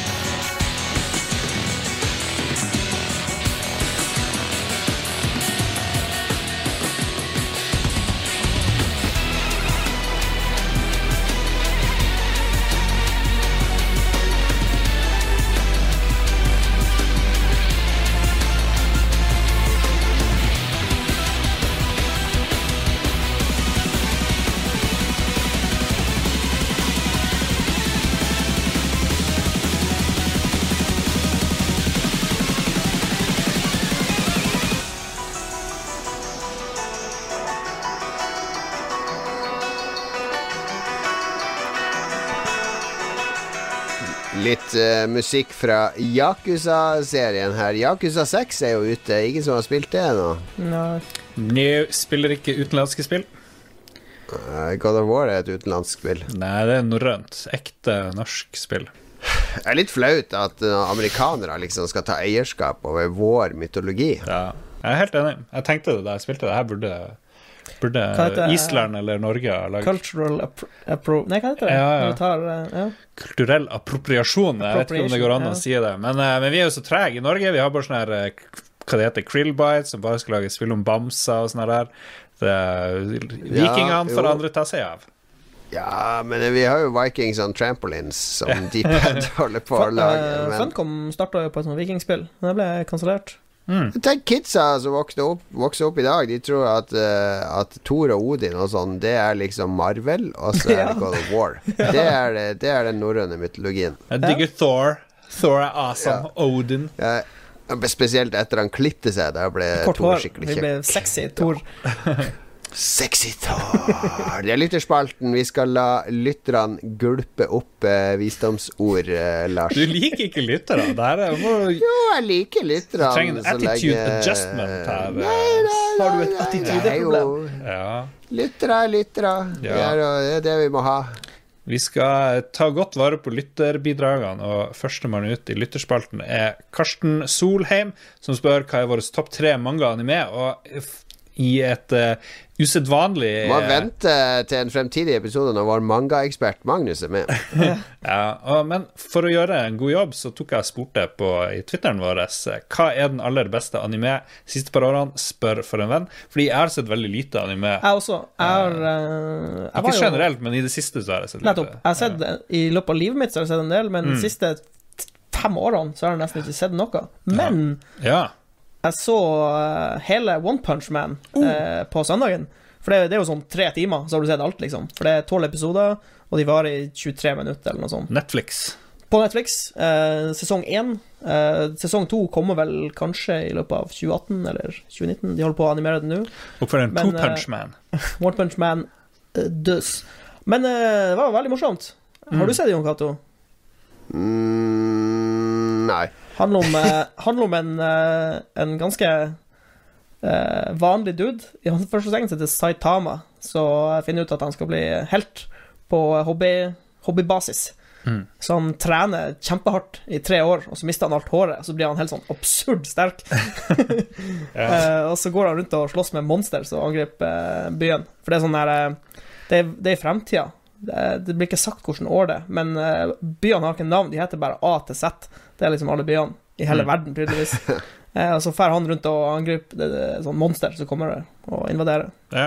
Hva, er det som er gøy? Hva er det som skiller det her ut fra andre andre... Eh, den har sånne her helt mega over the top eh, slåssesekvenser. Eh, for hele greia til han eh, Saitama, eller One Punch Man, som han heter, er at eh, han er så sterk at eh, når han har slått en gang, så bare eksploderer eller forsvinne, det Ja. han slåss med, da, uansett hvor kraftig og stor det er. Så det er det, han blir sånn frustrert etter hvert, da, for han, han får ikke en skikkelig fight ah. på en måte. Så det, men det er veldig mye humor. Eh, veldig sånn useriøst. Og tegnestilen eh, Det er litt sånn fascinerende, for tegnestilen eh, endrer seg eh, gjerne i løpet av en episode. For den, når han liksom går rundt Han er jo veldig sånn eh, Litt sånn apatisk til tider, og han er jo skallete, så av og til han tegner veldig sånn enkelt, så han ser veldig idiotisk ut, rett og slett. Det er jo med vilje, da. Men så blir det plutselig en sånn heftig fight, og så er han plutselig sånn superdetaljert, og han har sånn en million muskler og ser plutselig veldig skummel ut. Så det er veldig sånn artig skille i animasjonen. Akkurat som Magnus eh, Tellefsen, tenker jeg. Ja. Faktisk akkurat det samme. Når han blir sint, som er ganske ofte, så ser du liksom Ser han mye bedre ut. Nei, men det var eh, veldig sånn uh, annerledes anime, rett og slett. Ja, Useriøs. det må nesten være det hvis det skal fenge for det. Jeg klarer ikke å s- nesten ikke å se noe som helst sånn. Eh, problemet mitt med mye av det er hvis det skal være en sånn lang storyline og Det, sånn det, sammenheng. dette er perfekt. Det er, det er oppsummer, Altså, hver episode det, det er bare de siste tre episodene, tror jeg, som henger sammen. Alt annet er sånn standalone. Ja. De introduserer en ny karakter, Og så blir de ferdig, og så går de videre, og så er den karakteren fortsatt med, men så introduserer de en ny og en ny og en ny. Og en ny. Det er helt ja, det er en Ranma, en halvformel, der Ja. verden bare bygges ut og bygges Yes, ut og bygges ut. stemmer. Men det eh, var er utrolig bra lagd. Men hva er, hva er din uh, topp uh, manga-anbefaling, Jon Cato? Du har jo sett en del manga, det vet jeg. Ja, men uh, alt er jo drit, bortsett fra Ghibli, liksom. altså, fordi eh, der handler det om uh, Grey of the Fireflies, det handler jo om mennesker. Jeg kan jo tro du- på at de har du sett, eh, eksisterer. Your Name? Ikke sett Your Name. Uh, nei, jeg har ikke det, men jeg har prøvd å se noen av de nyere som ikke er Ghibli, som er liksom høyt anbefalt, og det Enten så blir det for sci-fi, og så er det sånn Å, nå skal vi sitte i fem minutter og se på disse fantastiske tegningene av disse fantastiske bygningene og disse fantastiske flyvende tingene. Ellers eh, Det må handle om mennesker, rett og slett. Men ellers Min favoritt siste årene er, er Nichio, som er en sånn serie om Det handler om ei jente som er oppfinner, Altså så handler det om tre jenter som går på skolen. Og så handler det om en sånn rektor som driver og har eh, wrestlingkamp med et dådyr. Og så handler det om en robotkatt. Altså, det er kun sketsjer. Uh, altså, det, hver episode er 20 minutter, som basically er ti forskjellige sketsjer. Ja. uh, og det er ingen sammenheng mellom de. Det kan være at denne episoden skal vi på telttur, da, og så er det masse sketsjer rundt det. Altså, de karakterene kjenner ikke hverandre heller, så det er liksom helt separate ting i denne byen som bare skjer, og det er slapstick, og det er dumt. Og så er det sånn ekstremt overdrevne tegninger. Det er sånn hvis uh, hun har glemt en blyant i pennalet og åpner på skolen, så bare sånn der Det er er dommedag, ikke sant? Ja, ja. Med alt, alt er overdrevet. Alt er sånn superdramatisk. Og når de slåss i korridoren, to sånne jenter, så tar de fram bazooka, og bare alt, alt eskalerer og tar av. Og det er liksom litt anarki, da. Eh, og det, det, det, den liker jeg å se på, fordi det er um, den, Det er litt mangaens Monty Python, kan du nesten si. Det er ikke Ja, det er moro. Okay. Nichio heter den. Nichio, ok. Eh, Cato C. Hagen anbefaler den av Jon Mats. Uh, jeg så, jeg så den uh, et, par, Name. et, et par måneder tilbake. Det er bare en veldig bra film, rett og slett. Mm. Sånn. Handler det om mennesker? handler om mennesker. handler om ei gutt og ei jente. Ja, Utrolig bra historie. Det er mulig det blir noe, eh, noe man tears. Oh, oh, Du er nice. god hvis du ikke Sweet Man Tears. Så Hvis du ikke føler noe i løpet av filmen, så er du død innvendig. Ja, jeg har stor tro på Your Name. Eh, han Maurits Kåsshagen anbefalte også One Punch Man. Ja, Martin. One Punch Man er genialt. Det det er tolv episoder som varer i 20 minutter, Ja. og det ligger på Netflix. Uh, Martin Herfjord anbefaler Full Metal Alchemist Brotherhood. Også veldig bra. Ligger på Netflix. Karsten Solheim Made in Abyss. Helt magisk, sier han. Eh, Av filmer så anbefaler han Silent Voice, rørende og trist historie. Og så anbefaler Simnik Hunter X Hunter. Lurer på om den ligger på Netflix òg. Muligens, muligens. Og til slutt Vishar Hedegård, uh, Attack on Titan. Så uh, da har vi masse tips. Jeg elsker jo uh, hva det heter Sword Art Online. online den, det jeg så sist av uh, Ja da, anime. det er morsomt. Det er kult. Det er, Men det er jo litt større tidsinvestering. Det er Ja. vel 24 det episoder, ganske, eller noe. det er, Jeg så ikke helt slutten, men Ja. to første sesonger var kule, syns jeg. Ja. Europe. Mye bra anime der. Erik Berntsen, favorittdiktator som styrer i dag. Å, shit! Jeg, jeg har fasiten. Ja. Assad. Altså, oh, han er ganske Han er, han er nasty. Hvis du går for sånn der eh, tenk, crazy tenk hvor mye motgang han har hatt, og så sitter han fortsatt. Ja, Det er jo litt imponerende. han er stayer. Ja, han har staying power. Ja. Jo, men han Jeg sier driver ikke at jeg støtter han. men han driver og lemper ut sånne der, eh, kjemikalievåpen. Ja, det er dårlig. Det er litt kjipt. Men, men han har Russland i sitt hjørne, og det, han har liksom Han har, har det made, for det, det er umulig å fjerne han, egentlig, tror Ja. Jo, men tenk, tenk når du sto på det verste, liksom. Ja. At ikke han ble dratt ut i, eh, i gata og blæsta i hodet, er jo egentlig magisk. Det er jo Kan jo tannlege, det? Jeg vet ikke hva han er Jeg utdannet tror som. det, jeg tror det. Det er noe der. Det er noe der. Jo Hva er Cato, har du noen favorittdiktator? Ah, Erna Solberg er hun Nei da, vi er jo et demokrati. Ah? Eh, ja, vi har nå han, eh, han som har kuleste navnet. Han er vel heller ikke diktator, da, men det er jo han der eh, han Emerson Mnangagwa i Zimbabwe som tok over nå i fjor. For han har jo nickname The Crocodile. Afrikadiktator.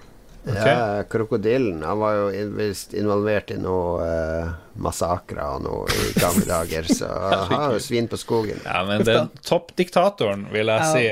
Ingen over, ingen ved siden av. Putin. Vladimir. Ja, Putin han har milliarder. milliarder. Han er maskin. Han, eh, han er sånn 1,40 og klarer å se ut som han er to meter på sånn hesteryggen. Bar Jeg overkropp. tror, jeg tror sånn, Hele landet jeg- elsker han. Jeg tror seriøst at han eh, Putin kanskje har mer enn han eh, Jeff Bezos i sånn Mm. real estate og Ja, penger, ja, liksom. Jeg tror han muligens han er en av verdens rikeste personer. Ja. Hele det- landet og kompisene hans styrer absolutt alt. Ja. Stakkars Russland. Stakkars Russland. Men uh, av diktatorene, ingen over, ingen ved siden av. Drar og å drepe folk med polonium i utlandet og sånn her. Han bare han viser, peker på Han bare 'fuck you! Fuck you world! I kill whatever!'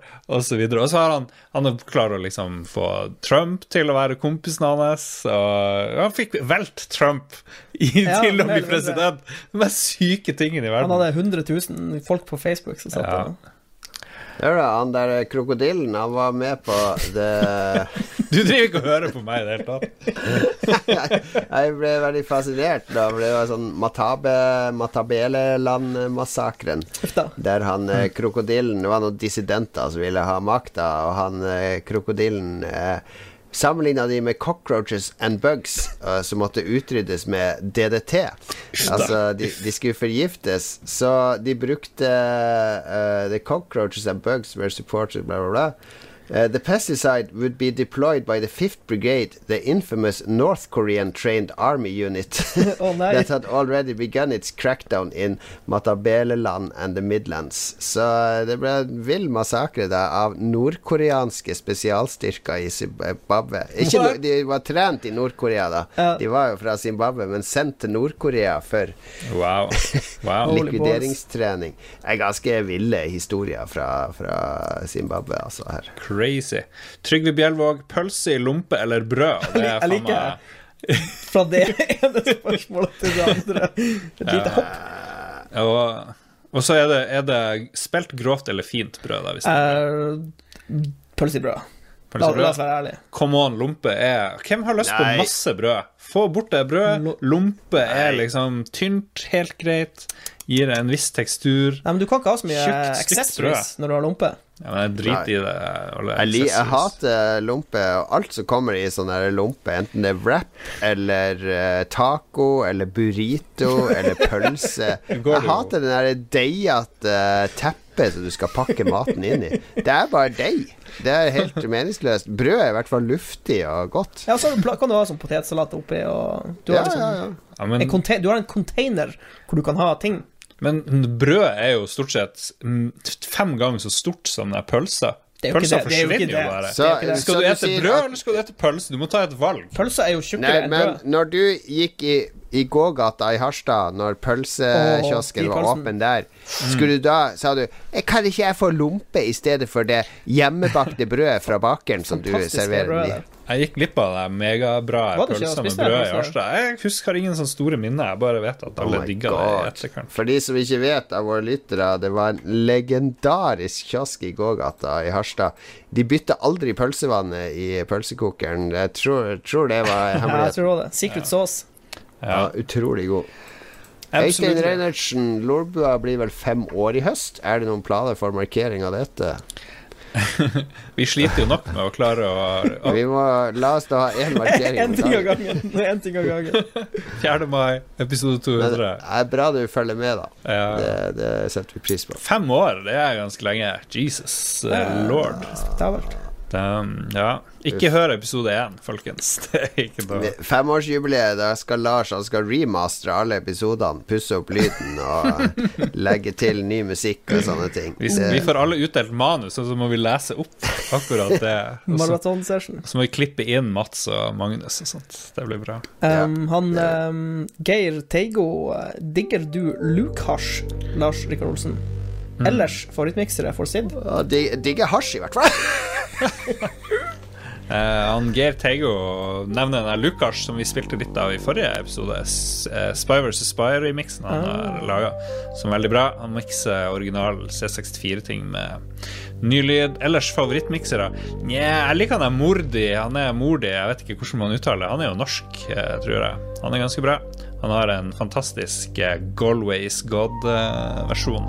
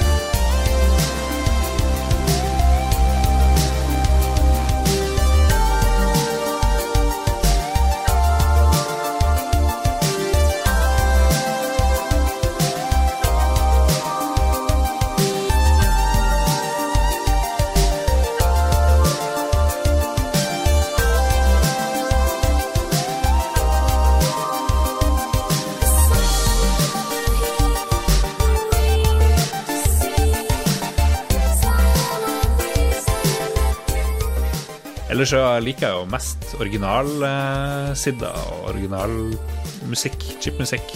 Ikke så Jeg syns remixene ofte blir veldig pompøse, og så skal de ha inn orkester, og så blir det plutselig sånn her eh, Ibiza-stemning. Så mm, Men noen unntak, da. Han der Lukas er, er veldig OK. Det heter, det heter Ibiza. Trop Ibiza. Tropical House. Ja.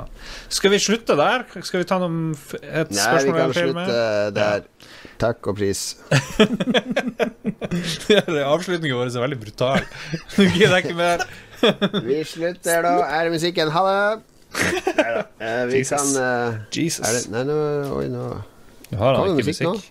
Nei, ingen musikk nå. Ok. Den er litt ustabil, den Mac-en her, så vi klipper det til, og så sier vi at vi slutter nå. Her kommer er sånn hakking igjen, er det? Nei, der kommer den. Musikken er der. Star Fox i bakgrunnen. Ha det bra. Nei da. Vi er for Lolbua. Vi har episode Blir det et 200 helvete å klippe det her? Unnskyld meg. om en uke. Dette blir lett å klippe. Til alle de som hører på i Harstad-tiden nå Nei da, de kommer ikke til å høre på det her, for nå er det musikk bak, så Lars sitter og river seg i høret. Håret. Høre. River seg i høret. Herregud. For en avslutning. Ja, men vi er, vi er tre, to slitne menn og en som er full av rislunsj, så det passer bra å, å avslutte her og nå. Ja. Lolbua på Facebook, du følger oss der. Det skal være event ute nå. eh, for episode 200. Ta turen dit, da. Vi lover at det blir verdt det. Vi kommer til å være i toppform, hele gjengen. Mm. Mats er med. Ta med PC-komponenter hvis du trenger hjelp til å sette sammen PC-en din. Mats stiller opp. Ta med en journalistblokk til Lars hvis du har lyst til å bli intervjua. Han intervjuer deg gjerne. Ta med spillideen din til meg. Jeg tar gjerne og skyter den ned i filler når du pitcher den. Og ta med litt hår til Magnus. Han, uh, har du sett han? Magnus uten caps? De som kommer på Lolbua episode 200, skal få inspirere hodebunnen til Magnus og se hvor eh, lite hår han har. Det er ingen tvil om at han har minst hår av oss fire. Det er ingen tvil. Ingen tvil. Um, Store spørsmål er jo hvem som har minst hår av meg og deg, Lars. Ja. Ja, det, at det tror jeg en- blir close. Jeg har en ganske stor måne, men du har en meget tynn hårvekst og svære vike. jeg har Jeg har sånn har sånn Trump eh, Nærmer meg Trump-sveisen. Ja, vi etterlyser en eh, Er det noen som er frisør, som skal på episode 200? Vi vil ha deg opp på scenen, og vi trenger en profesjonell vurdering av hvem som har minst hår av meg og Lars. Det vil vi gjerne ha avgjort i episode 200. Taperen må nemlig barbere av seg alt håret der og da. No doubt. Takk for oss. Vi ses om en uke på Tilt. Det blir en episode til før det. Ha det bra.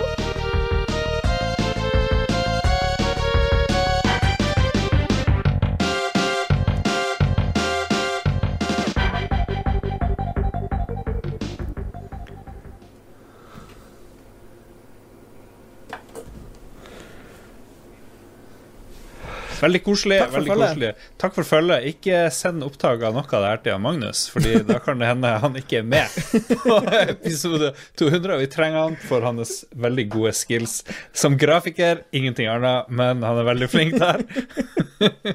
ikke send det heller til Magnus Tellefsen. Vi elsker deg. Ha det bra, alle sammen. Har du et enkeltpersonforetak eller en liten bedrift? Da er du sikkert lei av å høre meg snakke om hvor enkelt det er med kvitteringer og bilag i fiken, så vi eh, gir oss her, vi. Fordi vi liker enkelt. Fiken superenkelt regnskap.